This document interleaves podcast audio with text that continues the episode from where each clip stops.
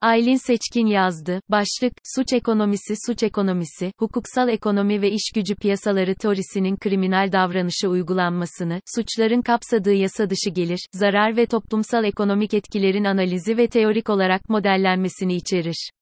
Dünya pandemiye yanıt olarak kendisini yeniden şekillendirirken, bu yeni gelişmelerin çok azı yönetişim ve hukukun üstünlüğü, uluslararası işbirliği, insan hakları veya çevresel sürdürülebilirlik için olumlu oldu. Pandemiyi yönetmek için kurumlara ve liderliğe duyulan güven ya yoktu ya da yolsuzluk, şeffaflık eksikliği, yanlış bilgi ve dolandırıcılık nedeniyle yıprandı. Global Assassinations Monitor projesinin de gösterdiği gibi, dünyada sesini yükseltecek, hesap sorulacak ve suç duyurusunda bulunacak kadar cesur sivil toplum aktörleri hedef alınmaya ve tehdit edilmeye devam ediliyor. Organize suç grupları ve ağlarının son teknolojik gelişmeler ve yeni ilimler tarafından canlandırıldığına tanık olurken riskin sadece kırılgan devletlerde ve otoriter rejimlerde değil, aynı zamanda yerleşik demokrasilerde de küresel olarak her zamankinden daha etkili olduğunu görüyoruz. Maalesef suçlular ise genellikle cezasız kalıyor. Hepimiz hayatımızda en az bir kez ufak bir suç işlemişizdir. Kırmızı ışıkta geçmek, hız sınırını aşmak gibi suçlardan bahsediyorum. Bunlar çok makul ve yaygındır. Ancak suç ekonomisini asıl çok çok küçük bir grubun işlediği çok geniş çaplı suçlar teşkil eder. Suç ekonomisi, hukuksal ekonomi ve iş gücü piyasaları teorisinin kriminal davranışı uygulanmasını, suçların kapsadığı yasa dışı gelir, zarar ve toplumsal ekonomik etkilerin analizi ve teorik olarak modellenmesini içerir. Bu alanda ilk önemli akademik çalışma Nobel ödüllü ünlü iktisatçı Gary Becker'ın Suç ve Ceza başlıklı makalesine dayanır. Ancak bu alanın ekonomi politiği üzerine Bentham'dan beri süre gelen bir literatür bulunmaktadır. Esasında Becker, suçlunun optimal bir seçim yaptığını, emeğin yasal ve yasal olmayan aktivitelere paylaştırılmasında bireyin optimizasyon yaptığını varsayar. Birey ya da firma kanunu çiğnemenin faydaları ve olası maliyetleri ve zararlarına göre kar, zarar analizi yaparak optimal bir karar verir. Makale, suç oranı ile yakalanma olasılığı ve yakalanma maliyetinin ters orantılı olduğunu gösterir. Devlet suçluları yakalamak için gayri safi milli hasılanın yüzde kaçını harcamalıdır? Makale, hangi suçlara hangi oranda göz yumulmalı, hangi suçlar hangi cezalarla kontrol altına alınabilir gibi soruların cevaplarını, caydırma teorisi, üzerinden formüle eder. İş piyasaları bazı alanlarda oldukça kapalı, diploma ve belli sertifikalarla işe alım süreçleri gözetirken suç piyasası birey için tamamen tam rekabete açık bir ortam sunar. Suç işleri piyasası yaşa, dile, formasyona bakmaksızın herkese açık bir piyasadır. Bireysel suç üretiminin yanında küçük çaplı örgütler ya da organize büyük yerel ve global mafya grupları olarak organize olur. Tıpkı bireysel sporlar veya takım sporları ve liglerinin ekonomik modelleme çerçevesini mafya modeli içinde kullanabiliriz. Bu organizasyonlar yasal bir firmanın benzeri ekonomik faaliyet organizasyon şemasını izlerler. İş piyasasının dinamikleri ile yeraltı dünyasının iş gücü hareketleri ve kümelenmeleri arasında bir bağ vardır. İşsizliğin hızlı artması, iş güvencesinin zayıf olduğu, dar gelirli yaşam formlarında yeraltı ekonomisine kaymalar hızlanır. Buna örnek Fransa'daki banliyölerdeki uyuşturucu ve silahlı örgüt ve çeteleşmeleri verebiliriz.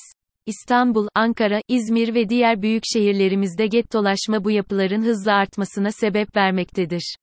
İstanbul, Hacı Hüsrev örneğin, suç ekonomisinde suçun yapışkanlığı da önemli bir kavramdır. Alışkanlıklar davranışları etkilediğinden suça bulaşan bir kişi suçta kalmayı tercih eder. Bir suçtan ceza aldığı ve cezasını çektikten sonra yasal iş piyasasına girdiğinde yeni bir sektörde hayatı sıfırdan başlamak kolay olmamaktadır. Bu konuda pek çok sosyolojik makale, roman, sinema filmleri mevcuttur. Suç örgütleri de genellikle aile, akraba ve yaşa çevresinden işe alım gerçekleştirirler. Zaten bu ortamın içine doğmuş bir çocuğun kariyeri de genelde farklı olmamaktadır. O yüzden mafya grupları aile isimleriyle anılır. Yasa dışı pazarlarda organize suçlardan elde edilen gelirin, küresel GSYİH'nin yaklaşık %2 ila %5'i kadar olduğu tahmin edilmektedir. UNODC, 2011. Ancak bu yine de oldukça alçak gönüllü bir tahmindir. Nokta. Daha kötümser tahminler, dünya suç ekonomisinin büyüklüğü yaklaşık 5 ile 25 trilyon dolar arası olduğu tahmin edilmektedir. Dünyanın toplam geliri ise 100 trilyon dolar civarındadır. En iyimser tahminlerle bile dünya suç piyasası çok ciddi bir ekonomik büyüklüğe eşdeğerdir. Global kanunlar ve düzenlemelerin çerçeveler suç örgütlerini caydırmak için fazla kusurlarla doluyken, kirli para küresel finansal sistemle daha karmaşık bir şekilde iç içe geçmiş durumda. Bazı şirketler karlarını korumak için yoğun bir şekilde lobi yaparken, gelişen teknolojileri düzenlemeye yönelik gözetim ve yönetişim önlemleri, yasa dışı aktörlerin oportunizmine yetişemiyor. Resim kasvetli, zorluklar muazzam ve global suç ekonomilerine anlamlı bir yanıt vermek için gereken siyasi irade ve sermaye fena halde eksik. 2021'de, suç ekonomisi piyasalarını ve aktörlerini, devletlerin bunlara yanıt verme direncini değerlendirmek için ilk küresel organize suç endeksi İtalyan Merkez Bankası ekonomistleri Miranda, Sauro ve Mossetti tarafından yayınlandı. Endeks, küresel suç ekonomisinin yarattığı büyüklüğün muazzam ölçeğini açıkça kalibre ederken, aynı zamanda nasıl ilerleyeceğine ve eylem önceliklerine dair göstergeler de sağlıyor. Yine aynı araştırmacılar mafyanın yasal ekonomik aktivitelere nasıl sızdıklarına dair de Haziran 2021'de bir akademik makale yayınladılar. Organize suçun bir ülkenin zenginliğini ve refahını azaltabileceği kanallar çok çeşitlidir. Bununla birlikte, suç örgütlerinin faaliyetlerini birinci dereceden ilgili bir konu haline getiren şey, sadece işletmenin büyüklüğü değil, ekonomiye ve bir bütün olarak topluma yüklediği doğrudan ve dolaylı maliyetlerdir.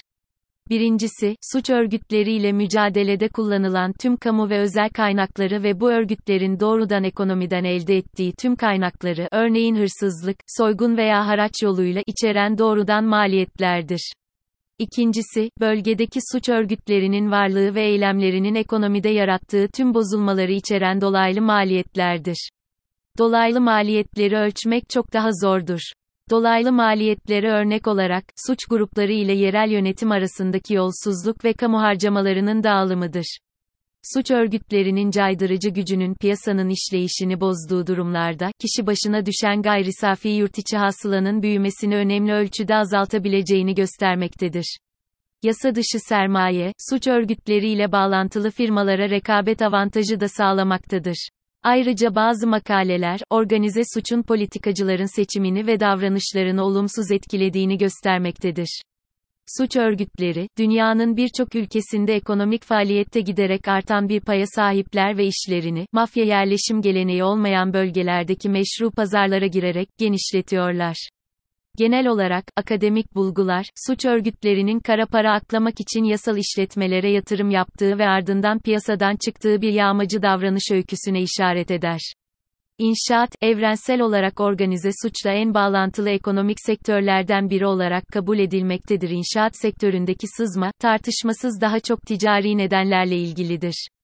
Örneğin, DFO ve de Luca 2017, mafyanın inşaat sektöründe kamu ihalesi karşılığında seçim desteği sağladığına dair anlamlı kanıtlar göstermektedir. Mafyanın ele geçirdiği firmalar, kamu fonlarının tahsisine müdahale etme yeteneğinin ötesinde, başka nedenlerle yasal olarak faaliyet gösterenler üzerinde rekabet avantajına sahip olabilir.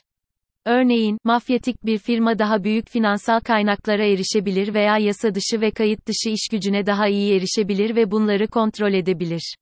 Ayrıca, mafya, tüm üretim zinciri üzerinde kontrol ve yasal düzenlemelerin uygulanmasından kaçınmak için tehdit ve şiddet kullanabilir. Toptan ve perakende ticaret sektörü özellikle kara para aklama riskine maruz kalmaktadır. Ana amacı kara para aklama veya başka bir suç faaliyetini içerebilecek finansal işlemlerin belirlenmesini içeren İtalya Bankası Mali İstihbarat Birimi, 2020'de kağıt fabrikası şirketlerinin özellikle bu sektörde yoğunlaştığını ve gelirler ve değişken maliyetler arasında güçlü bir korelasyon olduğunu tespit etmiştir.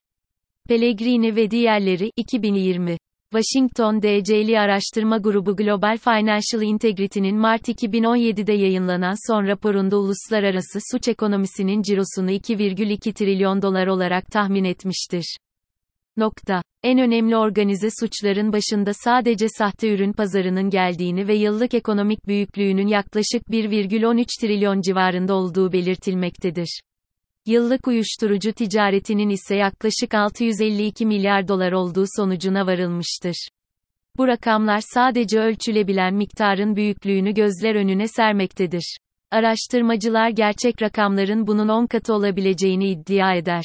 Birleşmiş Milletler raporuna göre Türkiye'den yılda ortalama 100 ton uyuşturucu geçtiği tahmin edilmekte ve Türk emniyet güçleri ancak bunun yaklaşık %10'unu yakalayabilmekte, geri kalanı emniyetin radarına takılmamaktadır. Rapor global entegre bir suç ekonomisinin sürdürülebilirliğini gölge finansal sistemlerin yeni teknolojilerle hızla gelişmesine, yüksek karlara ve düşük yakalanma riskleriyle açıklamaktadır. Finansal ödeme ağlarında anonimlik ve gizlilik prosedürleri kara para aklanmasını ve suç ekonomisi gelirlerinin ticari hayata daha rahat girmesini sağlamaktadır. Peki ne gibi önlemler alınabilir? GFI raporunda bazı öneriler de sunmaktadır. Bir ülkede kayıtlı ve iş yapan şirketlerin, kuruluşun gerçek, nihai intifa hakkı sahibinin, sahiplerinin adını, adlarını beyan etmesini zorunlu kılmak, gizli yetki alanlarında, bireyleri ve şirketleri içeren finansal ve ticari işlemleri yüksek riskli olarak işaretlemek ve ekstra belge talep etmek, ithalat ve ihracat faturalarını teknik ve, veya fiziki kaçakçılığı gösterebilecek yanlış fatura işaretleri açısından incelemek beyan edilen değerler için yanlış faturalandırma riskini tahmin etmek ve şu şüpheli işlemleri araştırmak için GFTrade, TM gibi dünya piyasası fiyat veri tabanlarını kullanmak bir ülkenin sınırları içinde bulunan yasa dışı pazarlar ve aktörler hakkında arasında daha fazla bilgi paylaşımında bulunmak.